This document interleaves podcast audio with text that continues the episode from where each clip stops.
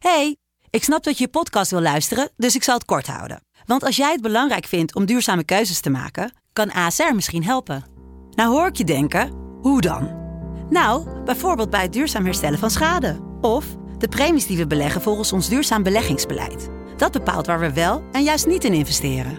Wil je meer weten over welke duurzame keuzes ASR maakt? Ga dan naar asr.nl slash duurzame keuzes. ASR doet het. Zo, dan kan je nu lekker naar je podcast luisteren.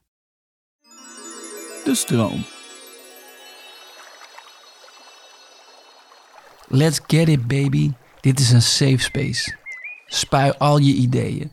Me. Wat een goeie. Ja, ik snap het meteen. Werk uit. Geef het benen. Geef het ruimte. Laat het leven. Je gaat zo lekker. Ik zie je zweven. Ik geloof in jou. Kan niet anders dat dit gaat lukken. Grijp de dag met beide handen vast en scheur het aan stukken. 180 linkerbaan op de A2 van het bestaan. Je vindt jezelf opnieuw uit, ook al was je al een zwaan.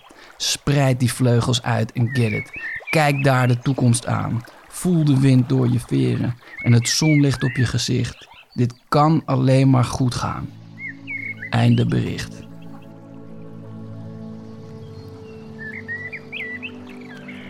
Ik hoop dat je wat aan deze tip hebt gehad. Dat je de boel even de boel hebt kunnen laten. Heb jij zin in nog meer fijne podcast? Luister dan eens naar Vader of de podcast Use and J New Emotions. Geniet. Liefs, Pepijn.